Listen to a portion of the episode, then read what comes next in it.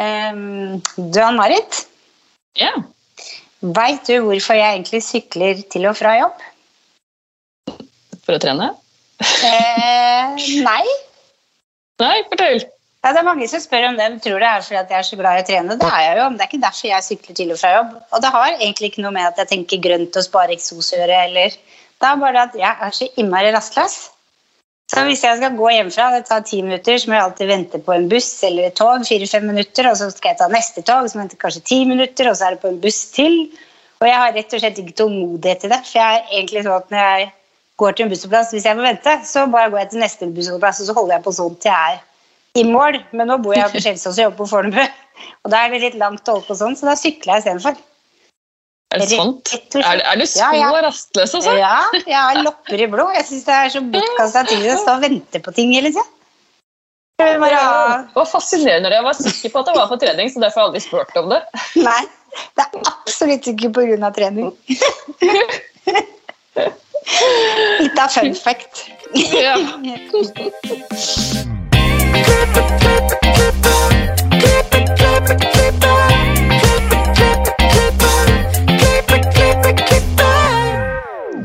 Hårpodden. Jeg heter Ann-Marit. Jeg heter Renate. Ja, hvordan har din uke vært, Renate? Jo, den har vært veldig bra. Jeg driver og leser manus, og så øver jeg meg på at manus skal passe inn i det jeg skal vise fram på et dokkehode. Og så skal det passe på en modell, og så skal det klippes til, og det er litt morsomt. Å huske manuset i hår, det er, ja, det er kjempegøy. Det er det. Ja jeg. Ja, det er ikke så lenge siden jeg gjorde det, men ja, det husker det manuset, det var Det var ikke det. Mye lettere å sitte på en podkast og bare snakke om alt mulig rart. Ja, men jeg tenkte jeg skulle lese det inn på forhånd for å se hvor lang tid det tar. Og så må jeg se om det passer til modellen, eller om jeg må regulere det. Det gjorde jeg òg. Men, eh, ja. Men det er uvant. Det, det føles som jeg dubber meg sjøl. Litt ute av komfortsonen, eller? Ja, men det er jo gøy. Ja, absolutt. Ja, Hvordan har uka di vært, Marit? Eh, vet du hva? Nå skal jeg ha bruder tre helger på rad. Er du så heldig? Ja, det er kjempegøy. Jeg har hatt én da, allerede, og så er det to helger til. Det, det er kjempegøy, og det, det er så lenge siden, rett og slett. Så det, nei, det ser jeg skikkelig fram til. Jeg hadde jo en brud nå på lørdag, og hun ble veldig fin. Og husk, hun hadde vi jo selvfølgelig prøvetime på. Og så sier jeg jo til deg, som jeg sier til de fleste, at ja, hvis du ombestemmer deg, så gjør ikke det noe. Jeg kan godt liksom ja, finne på noe annet når du kommer. Og bare ja, ja. Og så kommer hun, og så skulle hun selvfølgelig ha noe annet, da. og det, det går helt fint. Jeg klarer å snu på den flisa. Men det det resulterer i da, er at det, det er ikke innøvd, så jeg bruker veldig mye spenner. Ja. Det, det, det er morsomt for henne å plukke ut. Ja, det blir sikkert en veldig spennende bryllupsnatt. Men når du har tre bruder etter hverandre, det er jo skikkelig positivt da, i forhold til korona. For det har jo Absolutt. omtrent ikke vært bryllup eller bruder eller noe i det hele tatt. Nei, det er sant. Det på krysse alle fingrene Mm, på at det fortsetter enig. sånn. Absolutt. Men vi har med oss eh, to gjester på Skype i dag. Ja. Har du hatt en kunde i stolen som du plutselig oppdager en flekk uten hår? Hår? Det kalles aposia. Og 2% av befolkningen har hatt eller kommer til å få dette i større eller mindre grad. Men hva er det, og hva kan vi gjøre med det? I dag har vi med oss noen eksperter fra Alopecia-foreningen som skal gi oss bedre forståelse rundt denne sykdommen. Velkommen til oss, Guro Øksøy og Oda Nybakken Bolstad. Takk for det. Takk for at vi fikk lov til å være med. Ja, dette området her kan jeg ingenting om, så dette her eh, gleder jeg meg til å høre. Så fint. Da skal vi prøve å belære lite grann. Kan ikke du starte å fortelle om foreningen? Ja, Alopsia-foreningen er en landsomfattende forening for oss med alpesia areata og våre pårørende. Eller for de som av en eller annen grunn har hårtap eller kan relatere seg til det. Vi har sånn ca. 1000 medlemmer her nå i Norge. Eh, Så vi prøver å skape møteplasser for at eh, man kan møte hverandre, utveksle erfaringer, dele råd og tips med hverandre. For veldig mange føler seg ganske alene med den sykdommen her. Mm. Mm. Hva er alopecia? Du, det er en autoimmun hårsykdom som eh, resulterer i hårløse flekker. Altså tap på, av hår på hodet eller på kroppen. Det kan være ansiktshår eller det kan være kroppshår.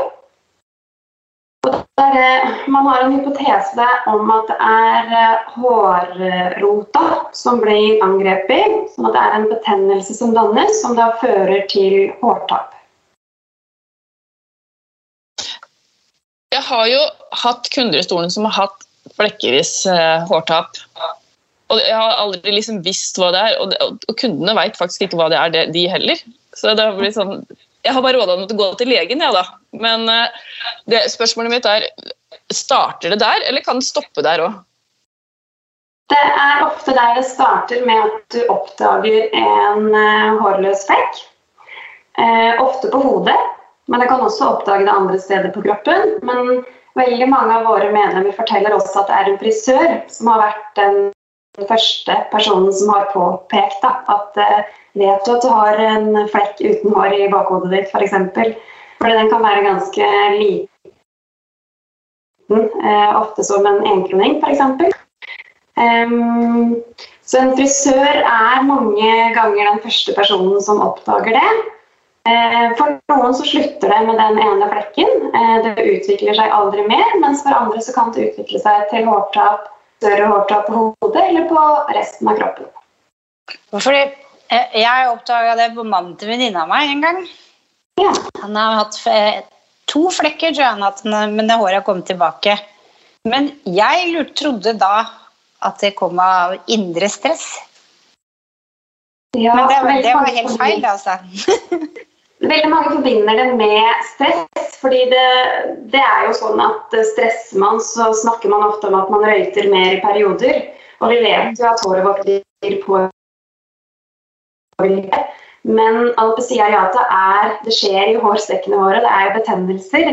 Sånn at det er en autoimmun sykdom, og sykdommen den ligger latent hos oss som har denne autoimmune sykdommen. Og det, for noen så kan det kanskje være stress, men det er ikke det som er årsaken da, til selve hårtapet. Var det arvelig? Det, du kan si at det er eh, Man sier ikke at det er arvelig, men at det har en arvelig komponent, sier man det så fint. Fordi eh, undersøkelser viser at det er sånn ca. ti ganger høyere risiko for at man kan bli ramma av sykdommen hvis det er f.eks. noen i nær slekt, sånn som søsken, foreldre eller barn da, som eh, har sykdommen. Og som ca. to av ti med Alpsiarata har et familiemedlem som har samme type sykdom. Sånn at det er større sannsynlighet. eh, Men man finner ikke helt Det er ikke sånn at du har, har du det, så får barnet ditt automatisk. Det er ikke noe, det er ikke noe videre. Det, det går ikke i arv, på en måte. Kan jeg spørre hvordan du oppdaga at du hadde det? Ja. Du, det er um, Mor og far har fortalt det at når jeg gikk i barnehagen, så hadde jeg en liten flekk bak øret. Så gikk de til en hudlege og fikk en salve, og så tenkte de ikke noe mer over det. Men da jeg begynte i 7. klasse, så hadde jeg store flekker bak øret, og så mista jeg et halvt øye.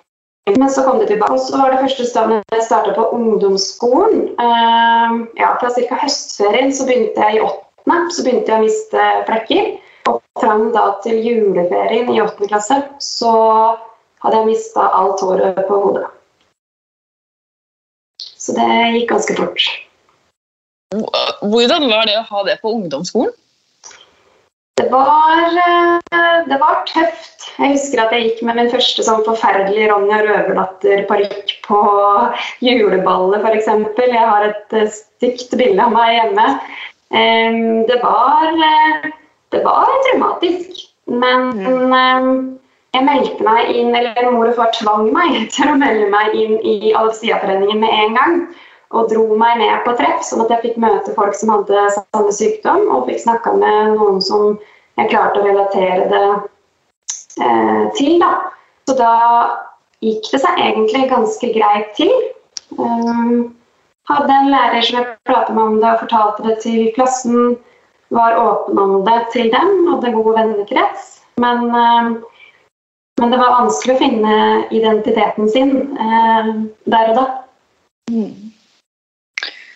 For uh, du, Guro, hvordan uh, oppdaga du at du har den sykdommen? Ja, for min del så var det jo mye tidligere. Eh, så det var jo egentlig ikke jeg som oppdaga det. Det var jo mamma og pappa. på en måte. For jeg var jo eh, Jeg husker aldri om jeg var to eller tre, men jeg var i hvert fall for ung til å huske det. Eh, så for min del så er det litt annerledes, for jeg kan liksom ikke huske å noen gang ha vært Guro med hår. Eh, jeg har bare alltid vært Guro uten hår. Eh, så, men jeg brukte jo parykk en god stund. Eh, men for min del så har det alltid vært liksom veldig at den Guro som ikke har hår, er veldig den jeg egentlig er. Eh, så når jeg tok av meg parykken om kvelden, så, så, var det sånn Nå er jeg endelig meg selv igjen. Og jeg hadde en lillesøster hun er eh, seks år yngre enn meg. Og når jeg, var, jeg tok av meg parykken og hun var liksom tre-fire år, så var det sånn Der er Guro! det var liksom, veldig naturlig at jeg ikke hadde hår. da. Eh, så når jeg gikk eh, skulle begynne på videregående, egentlig, eh, så bare Plutselig en dag så gadd jeg ikke, gadd jeg ikke ta på meg parykken, egentlig. Eh, og etter det så har det vært veldig naturlig å ikke, ikke bruke parykk eh, noen mm. gang. Og jeg er veldig fornøyd, fornøyd med den avgjørelsen. Mm. Det er liksom din identitet nå, liksom? Ja, Eller har vært hele tida, egentlig?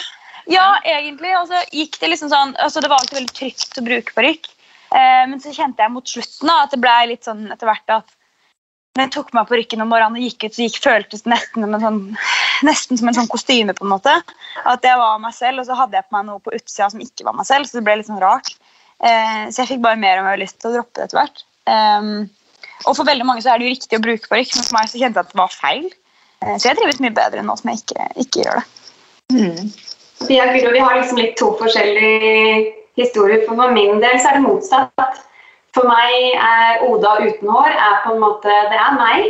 Men når jeg tar på meg håret, så er det like mye meg. Eh, jeg føler meg naken uten hår, så jeg bruker stort sett alltid hår på jobb eller når jeg er ute eh, hjemme. Så er jeg Oda uten hår, da går jeg aldri med hår. Men, så det er liksom sikkert litt både ulikt når vi mista det, men også hvordan vi takler det. Det er det som er med alopeci, at man, vi takler så utrolig forskjellig. Er, er, det mange som spør dere om liksom Ja, hvorfor drikker ikke hår? Ja, det er jo en god del som spør, og i hvert fall for min del som, som ikke eh, som ikke går med parykk, så er det jo veldig synlig. Du ser det jo, ser det jo godt. Så, sånn. Eh, så da er det jo en god del som spør, spesielt barn. Jeg jobba en periode på lekeland. Eh, og der er det jo veldig mye barn innom. Og barn er jo veldig gode på det. ikke sant? Hvis de lurer på noe, så bare spør de. Og jeg synes egentlig det er veldig flott. Jeg kunne ønske at det var flere som, som gjorde det. Og så kjenner jeg meg igjen selv at altså, hvis det er noen som ikke er helt som deg selv, så er det jo vanskelig å stille spørsmål. og Spesielt hvis du tenker at det kanskje er noe de synes at man kanskje kan bli lei seg for. og sånn da. Så veldig mange voksne unngår jo å stille spørsmål. Og jeg ser når jeg jobba på det lekelandet, og barna var liksom sånn veldig ærlige sånn 'Hvorfor har ikke du hår?' Så ser du foreldrene med en gang får sånn der Herlighet, du må ikke svare på det. Unnskyld. Men jeg syns bare det er flott det når folk stiller spørsmål, for jeg vet jo at de har spørsmål uansett. Så når jeg får svare, så vet jeg at de får riktig svar. da, på en måte. Ja, for Jeg kan godt kjenne meg igjen at jeg hadde tenkt sånn Åh, tør jeg spørre? Er det noen som blir såra hvis jeg mm. stiller det spørsmålet? Men uh, det, det, det, bør jeg egentlig gjøre, skjønner jeg. Ja, For min del så bør du det. Absolutt. Men Oda er litt nysgjerrig på Du sa du brukte hår på jobb. Er, har du forskjellige typer hår, eller er det kort hår, langt hår? Jeg er nok litt tjenlig der, dessverre. Vi har noen i foreninga som er så tøffe at de liksom uh, har forskjellige farger og frisyrer til etter hvordan uh, er. Uh, men jeg er nok litt av den kjedelige typen at jeg har det lange, brune håret som jeg aldri hadde hatt ellers. Så har jeg bestilt meg det. Jeg nok, er nok litt kjedelig, kjedelig der. Meg også handler det om Jeg er jo litt motsatt av Guro. Jeg har ikke noe behov for at folk kommer og spør meg så mye om sykdommen. og sånn. Jeg har ikke noe vanskelig med å prate om det, men jeg har ikke behov for det fokuset. Og er nok også derfor den grunnen til at jeg bruker parykk på jobb, f.eks. For eksempel, fordi jeg jobber som lærer og har ikke noe behov for at barna skal eh, ha det fokuset, eller at de foreldrene skal ha det fokuset. Mens eh, i svømminga med barna så tar jeg meg håret, f.eks. For, for det er ikke så praktisk å svømme rundt med en eh, hårdott som eh, ja, ikke sitter sånn veldig godt. Altså. Jeg, jeg bare lurte på om det er, er det like vanlig for menn som med kvinner å få alopecia? Du, akkurat det spørsmålet der, det er eh, flere som lurer på. Og i Norge så har vi veldig lite forskning og statistikk på akkurat alopecia, egentlig. Så vi veit at vi vet, I foreningen vår så er det flere kvinner, f.eks. Eh, og da er jo spørsmålet hva er årsaken til det? Vi opplever jo veldig ofte at det med hårtap er for menn mer naturlig. Sånn at uh, har du oppdaga fleksende som vanlige mann um, Og det er ikke kanskje For noen menn så er det med hårtap for dem mer naturlig. Mm. Men det er jo uh, Det er ikke noen grunn til at det er flere kvinner som skal få det enn menn. Og så er det sånn at En del menn som er i foreninga hos oss, de, noen som jeg snakker med, sliter mer enn kvinner. fordi når du får alopecia areata, så får du ofte flekkevis hårtap. Eh, og hvis du da er mann og allerede har kort hår fra før, så er det mange som har sagt at jeg føler meg ut som jeg har skabb. Det ser liksom ut som noen har kommet borti meg med barbermaskina og tatt skikkelig feil. Sånn at uh, det synes så mye mer for mange menn da, som har kort hår. Uh, det ser, ja, de føler seg Det er vanskeligere for dem å skjule hårtapet det, kanskje enn for mange kvinner. Mm. Men kan man få håret tilbake? Ja. Det er uh, sånn at hvis du har flekkevist hårtap og du har mista mindre enn 50 så er prognosene veldig gode for at du får tilbake håret. Veldig mange får jo bare en liten flekk, og det er det de merker. Og så tenker de ikke noe mer over det. Og jo lenger du har hatt sykdommen, jo dårligere prognoser blir det. da. Og jo mer du har mista, så sånn som for Guro og meg som har vært eh, uten hår i mange, mange mange år, og ingen av oss har noen hårstrå på hele kroppen, så er nok prognosene ganske dårlige. Men for de som uh, har mista eh, ja, under 50 da, og har det med mindre, eller i en mindre tidsperiode, så er det større og bedre prognoser. Finnes det noen behandling? Per i dag så er det ikke noe behandling som på en måte kan helbrede, eller medisiner som kan helbrede uh, sykdommen. Uh, men det finnes ulike behandlingsmetoder som kan holde det under kontroll. Og man kan på en måte håpe at håret etter hvert at det trigges da eh, Det finnes forskjellige konvensjonelle behandlinger, men spørsmålet er ofte om skal man behandles, eller skal det ikke ikke. For noen av, noen av behandlingsmetodene kan være mer eh, for kroppen eh, ellers. Mm. Men er det noe farlig for kroppen, bortsett fra at du mister hår? Er det noe annet, liksom Har man noen andre symptomer, holdt jeg på å si? Nei, det er det er mer det psykiske aspektet. For mange av de som får sykdommen, som blir det vanskelig i det hele. Det å takle hårtapet, det å skulle bli kjent med sitt nye seg, et utseende, det å øh, Veldig mange som tar kontakt med oss, sliter jo f.eks. med å gå på jobb. Det å skulle fortelle til andre. Det å skulle vise seg med flekker, det å hele tida skulle skjule disse flekkene kanskje noen har behov for. Er veldig, for mange er det en psykisk belastning. Det er veldig mange aktiviteter som mange dropper ut av. Det å gå på byen, eller det å gå i svømmehallen, eller det å gå i treningshallen. Så Det er kanskje den, det som folk sliter mest med når det gjelder det psykiske. Eller så har vi også noen fysiske, f.eks. de som mister nesehåra. Vi har jo født med hår av en grunn. eller de som mister øyenbryn eller øyevipper, de har jo en funksjon. Um, svette ta imot i øyenbryn, øyevipper skal jo beskytte øyet. Nesehåra skal jo unngå at vi drar inn for mye drit, rett og slett. Sånn at, vi er jo født med hår av en grunn. Ja. Mm. Og så negler har også en del, for hår og negler eh, henger jo en del sammen. Så veldig mange som har alopecia, har også veldig dårlige eh, negler. Mm. Men er det noe frisører kan gjøre, eller må passe på? Tenk litt det som jeg nevnte i stad med at veldig mange som setter seg i frisørstolen eh, og har kanskje da fått en liten alopeciaflekk, så er det mange som opplever at frisøren er den første som oppdager den flekken. Jeg tenker kanskje å tenke litt over hvordan du forteller om det.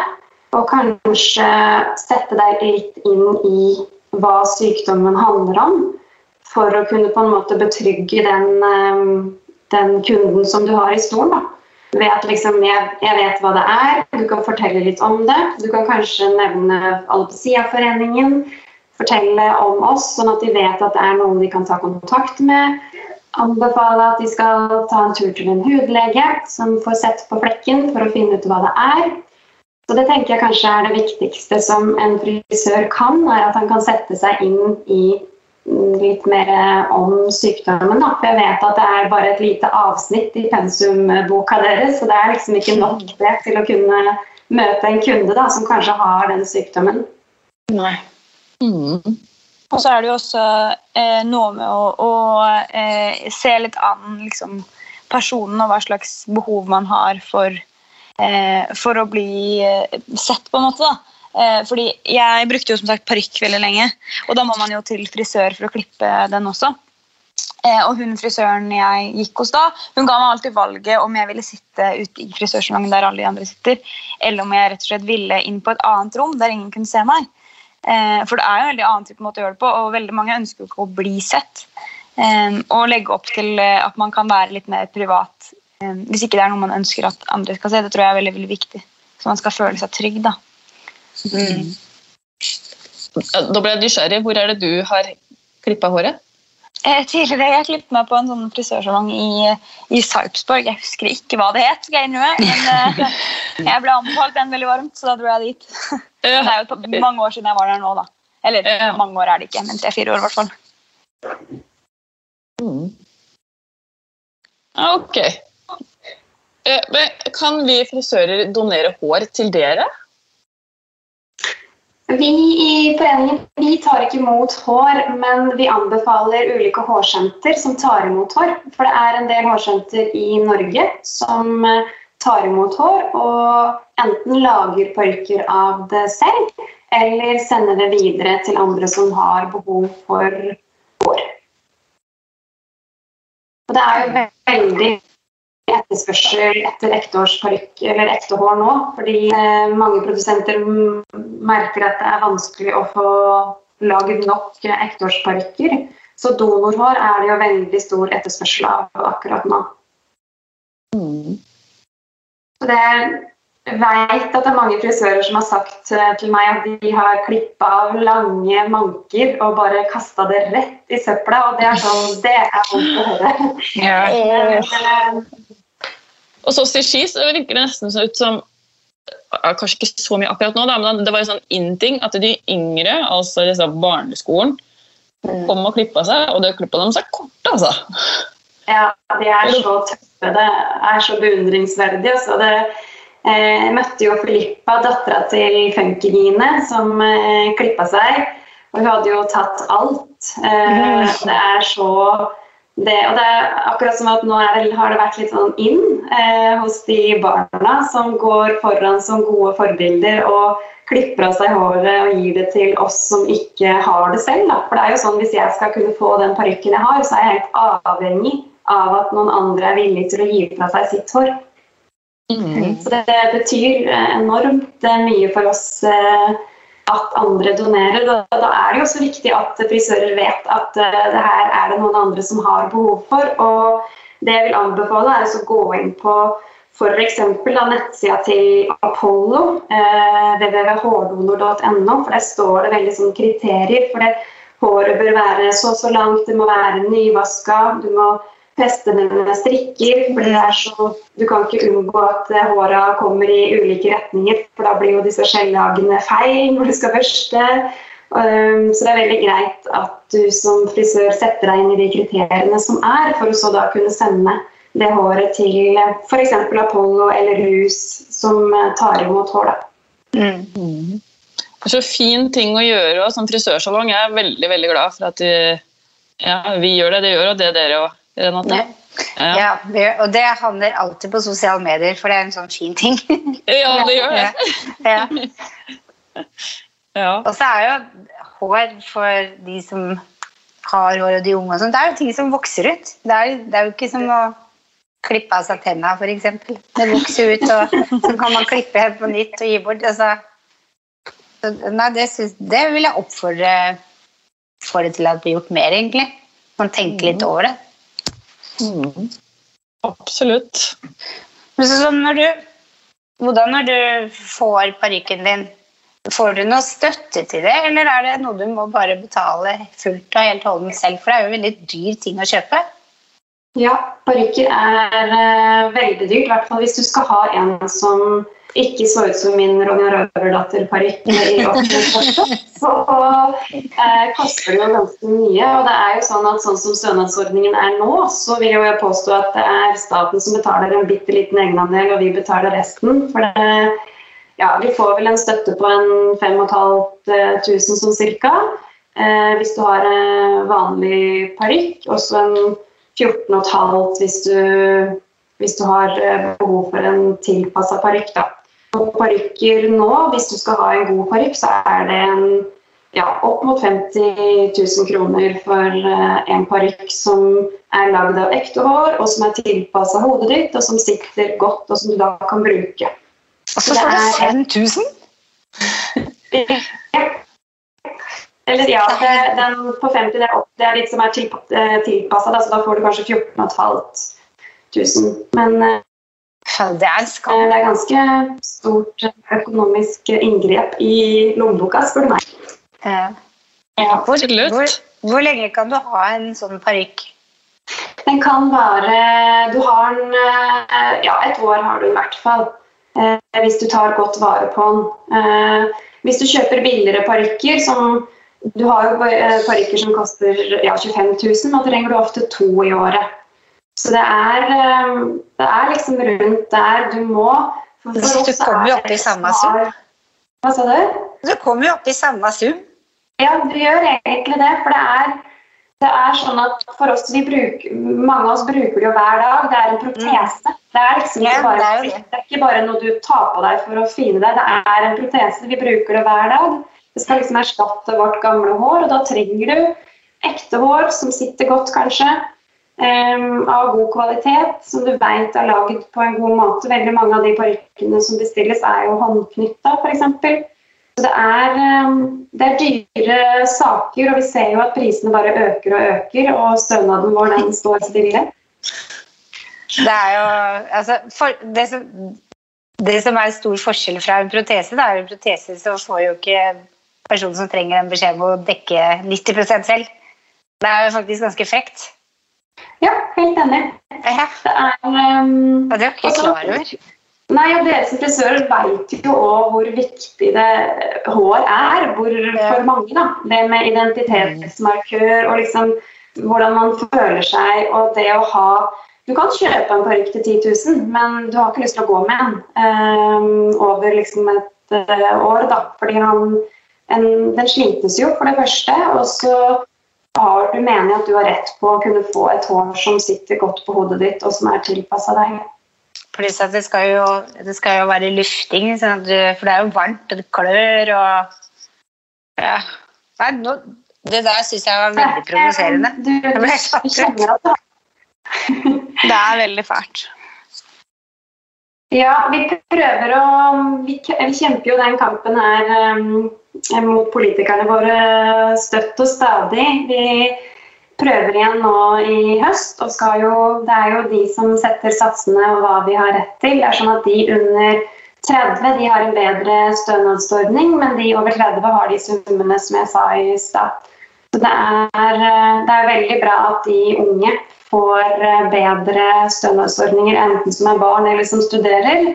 Men jeg syns ikke det er rett at en en mor skal velge mellom å kjøpe seg et nytt hår eller å ta med barna på ferietur. Det bør ikke være sånn. Uff, nei. Men uh, møtene deres, er de bare i Oslo, eller er de over hele landet? Vi er en landsomfattende forening, så vi har uh, vi kaller det likepersoner. De som har uh, levd med sykdommen i mange år rundt omkring i hele Norge. Så vi har eh, f.eks. nå i september så har vi alopecia-måneden. Eh, det er den internasjonale alopecia-månen. Så da skal vi ha treff rundt omkring i hele Norge. Så da er det bare å gå inn på Facebook-sida vår, Alopeciaforeningen Norge, eller hjemmesida vår, www.alopecia.no, så annonserer vi de ulike treffa vi har der. Vi opplever jo det at veldig mange etterspør jo å møte andre, fordi du kan gjerne kanskje snakke med venninna di eller noen i familien, venner, eh, om det å miste hår, men det er liksom ikke så lett for andre å sette seg inn i hvordan situasjonen faktisk er. Da. Hvordan oppleves det å liksom oppdage de flekkene og eh, Mange går liksom gjennom en sorgprosess da, når de oppdager at de har fått den sykdommen og må liksom bli litt kjent med seg selv på nytt, egentlig. Ja, jeg ble satt ut sjøl av det der pris... ja, skjønner, ja. jeg skjønner det. Det er mange som, det er mange vet ikke om det, egentlig. Vi er liksom litt for få til vi får ikke skreket høyt nok, rett og slett. Men er det noe uh, grad av hvem som kan være med i foreningen? Det er sikkert et kjempedumt spørsmål, men uh, er det liksom, hvis noen har veldig lite som sitter og hører på nå, er de også velkommen i foreningen deres? Ja, alle er hjertelig velkommen uansett. Og vi har også medlemmer som har fått tilbake våre, som er medlem hos oss. Som er på det som en trygghet å på en måte vite at vi er der hvis det skulle skje igjen. Og så har vi andre for Alopecia areata er jo én type flekkevis hårsykdom, men det finnes jo veldig mange andre hårsykdommer også som gjør at du mister håret av ulike årsaker. Ehm, sånn at vi tar også imot andre, fordi hårtap er hårtap uansett hva slags type diagnose du har. Da. Vi, vi kjenner igjen eh, oss i hverandre, da. Mm. Og for å komme i kontakt med dere, så er det på nettsida en mailadresse? Ja. Vi post alfakrøllalbesia.no. Eller så har vi kontakttelefon som det er bare å ringe. Eller så har vi en oversikt med alle likepersonene våre. Som eh, mer enn gjerne tar imot en telefon eller mail. Det er uh, uansett hvem som vil, er hjertelig velkommen til å bli medlem hos oss. Og vi vet jo at det er mange flere. For det er jo sånn at 2% av befolkningen har hatt eller har eller kommer til å på en måte få flekkevis hårtap i løpet av livet sitt. Og så er det 0,1-0,2% som har alopecia akkurat her og nå. Så det er jo egentlig mange mange flere i Norge som har en eller annen flekk eh, som kanskje ikke vet engang hva det er, eh, men som gjerne kunne vært medlem hos oss. Så jo større vi blir, jo sterkere blir vi jo sammen, da. Mm. Guro, eller hvor lenge er det du har vært medlem av foreningen? Ja, jeg mista jo som sagt håret da jeg var uh, typ uh, La oss si tre, da. Siden jeg ikke husker om det var to eller tre. Men mamma og pappa tok meg med på et møte veldig med en gang, egentlig. Um, så jeg kan ikke huske livet før jeg ble la, egentlig. Uh, så for meg så har det alltid vært veldig Jeg fikk jo veldig fort veldig mange venner som var på min alder. Eh, så for min del så har det alltid vært veldig naturlig at det var liksom sånn Jeg hadde venner uten hår, og vi hadde mye kontakt både når vi var på møter i LA og mellom. Eh, og når vi var på møter, så eh, Altså, jeg var jo ikke på Jeg deltok jo ikke på, årsmøter og liksom budsjettforhandlinger eller noe sånt, nå, for å si sånn, men for meg så var det bare skikkelig gøy å møte de vennene jeg hadde som så ut som meg. da. Så jeg har vært med veldig veldig lenge, og det har gitt, gitt meg veldig mye. Og det er venner jeg fortsatt har mye kontakt med, og som jeg er veldig veldig glad i. da. Så det er absolutt å anbefale for noen som kanskje sitter inne med en flekk, eller som merker at absolutt alle. eller- Ja, Ja. virkelig. Når dere, bare tenker på ting, når dere har sånne møter, eh, er det sånn at frisører kan komme og lære, bare få lære om òg? Absolutt. Ja. Det er, eh, vi er jo egentlig interessert i å kunne ja, dele all den kunnskapen vi har. Og det finnes jo så mye mer som vi kunne sagt om uh, sykdommen. Vi har jo hatt uh, litt kontakt med fagforeninga deres, uh, som vi har eh, hatt en artikkel i bladet f.eks. Uh, så vi har hatt noen stands. Um, så vi prøver jo å spre den eh, infoen som vi har. Eh, vi sender også gjerne infobrosjyrer eller foldere. Så hvis det er noen frisører som har lyst på litt mer info om oss, så sender vi det gjerne gratis ut til dere. Og gjerne som dere kan gi til kunder også. Så det er egentlig bare å ta kontakt med oss, så sender vi gjerne den, det infomaterialet som vi har. Og det er, ja, som vi sa i stad, det er liksom bare et lite avsnitt i det pensumboka deres. Så det er liksom veldig mye han kan lære om sykdommen. Og det er jo egentlig en kjemperar sykdom.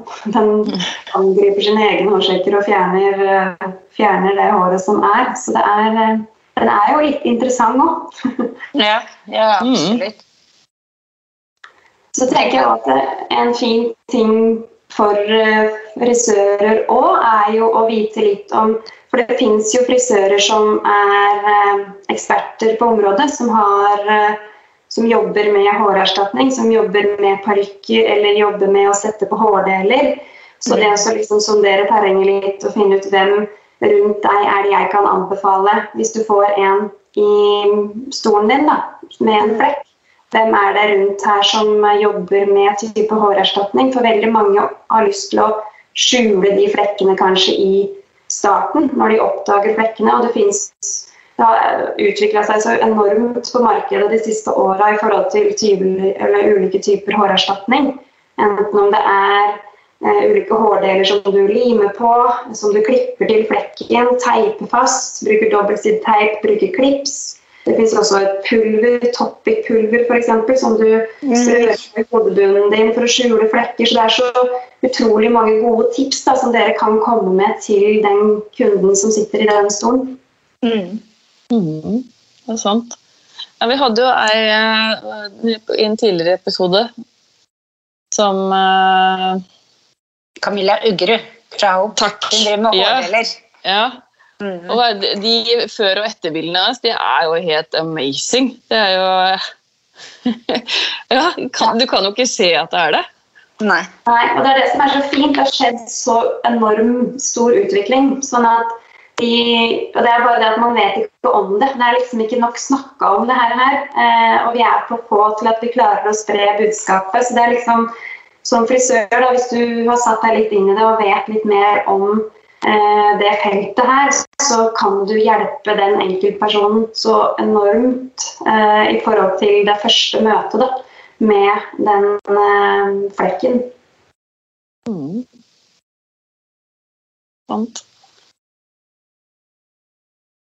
Jeg har fått veldig god forståelse på dette området nå. Så bra. Ja. Tusen, tusen takk, Guro og Oda, for at dere ville komme til Hårpodden og fortelle deres historie og gjøre oss litt mer opplyst på noe som vi burde hatt et langt større pensum om på både skolen og etterpå. Ja, det får bli neste kampsak. Ja. Ja. Skal ikke se bort fra at vi tar opp den tråden. det er fint. Det er bra. Og følg gjerne oss på sosiale medier, så høres vi neste uke. Ha det bra! Ha det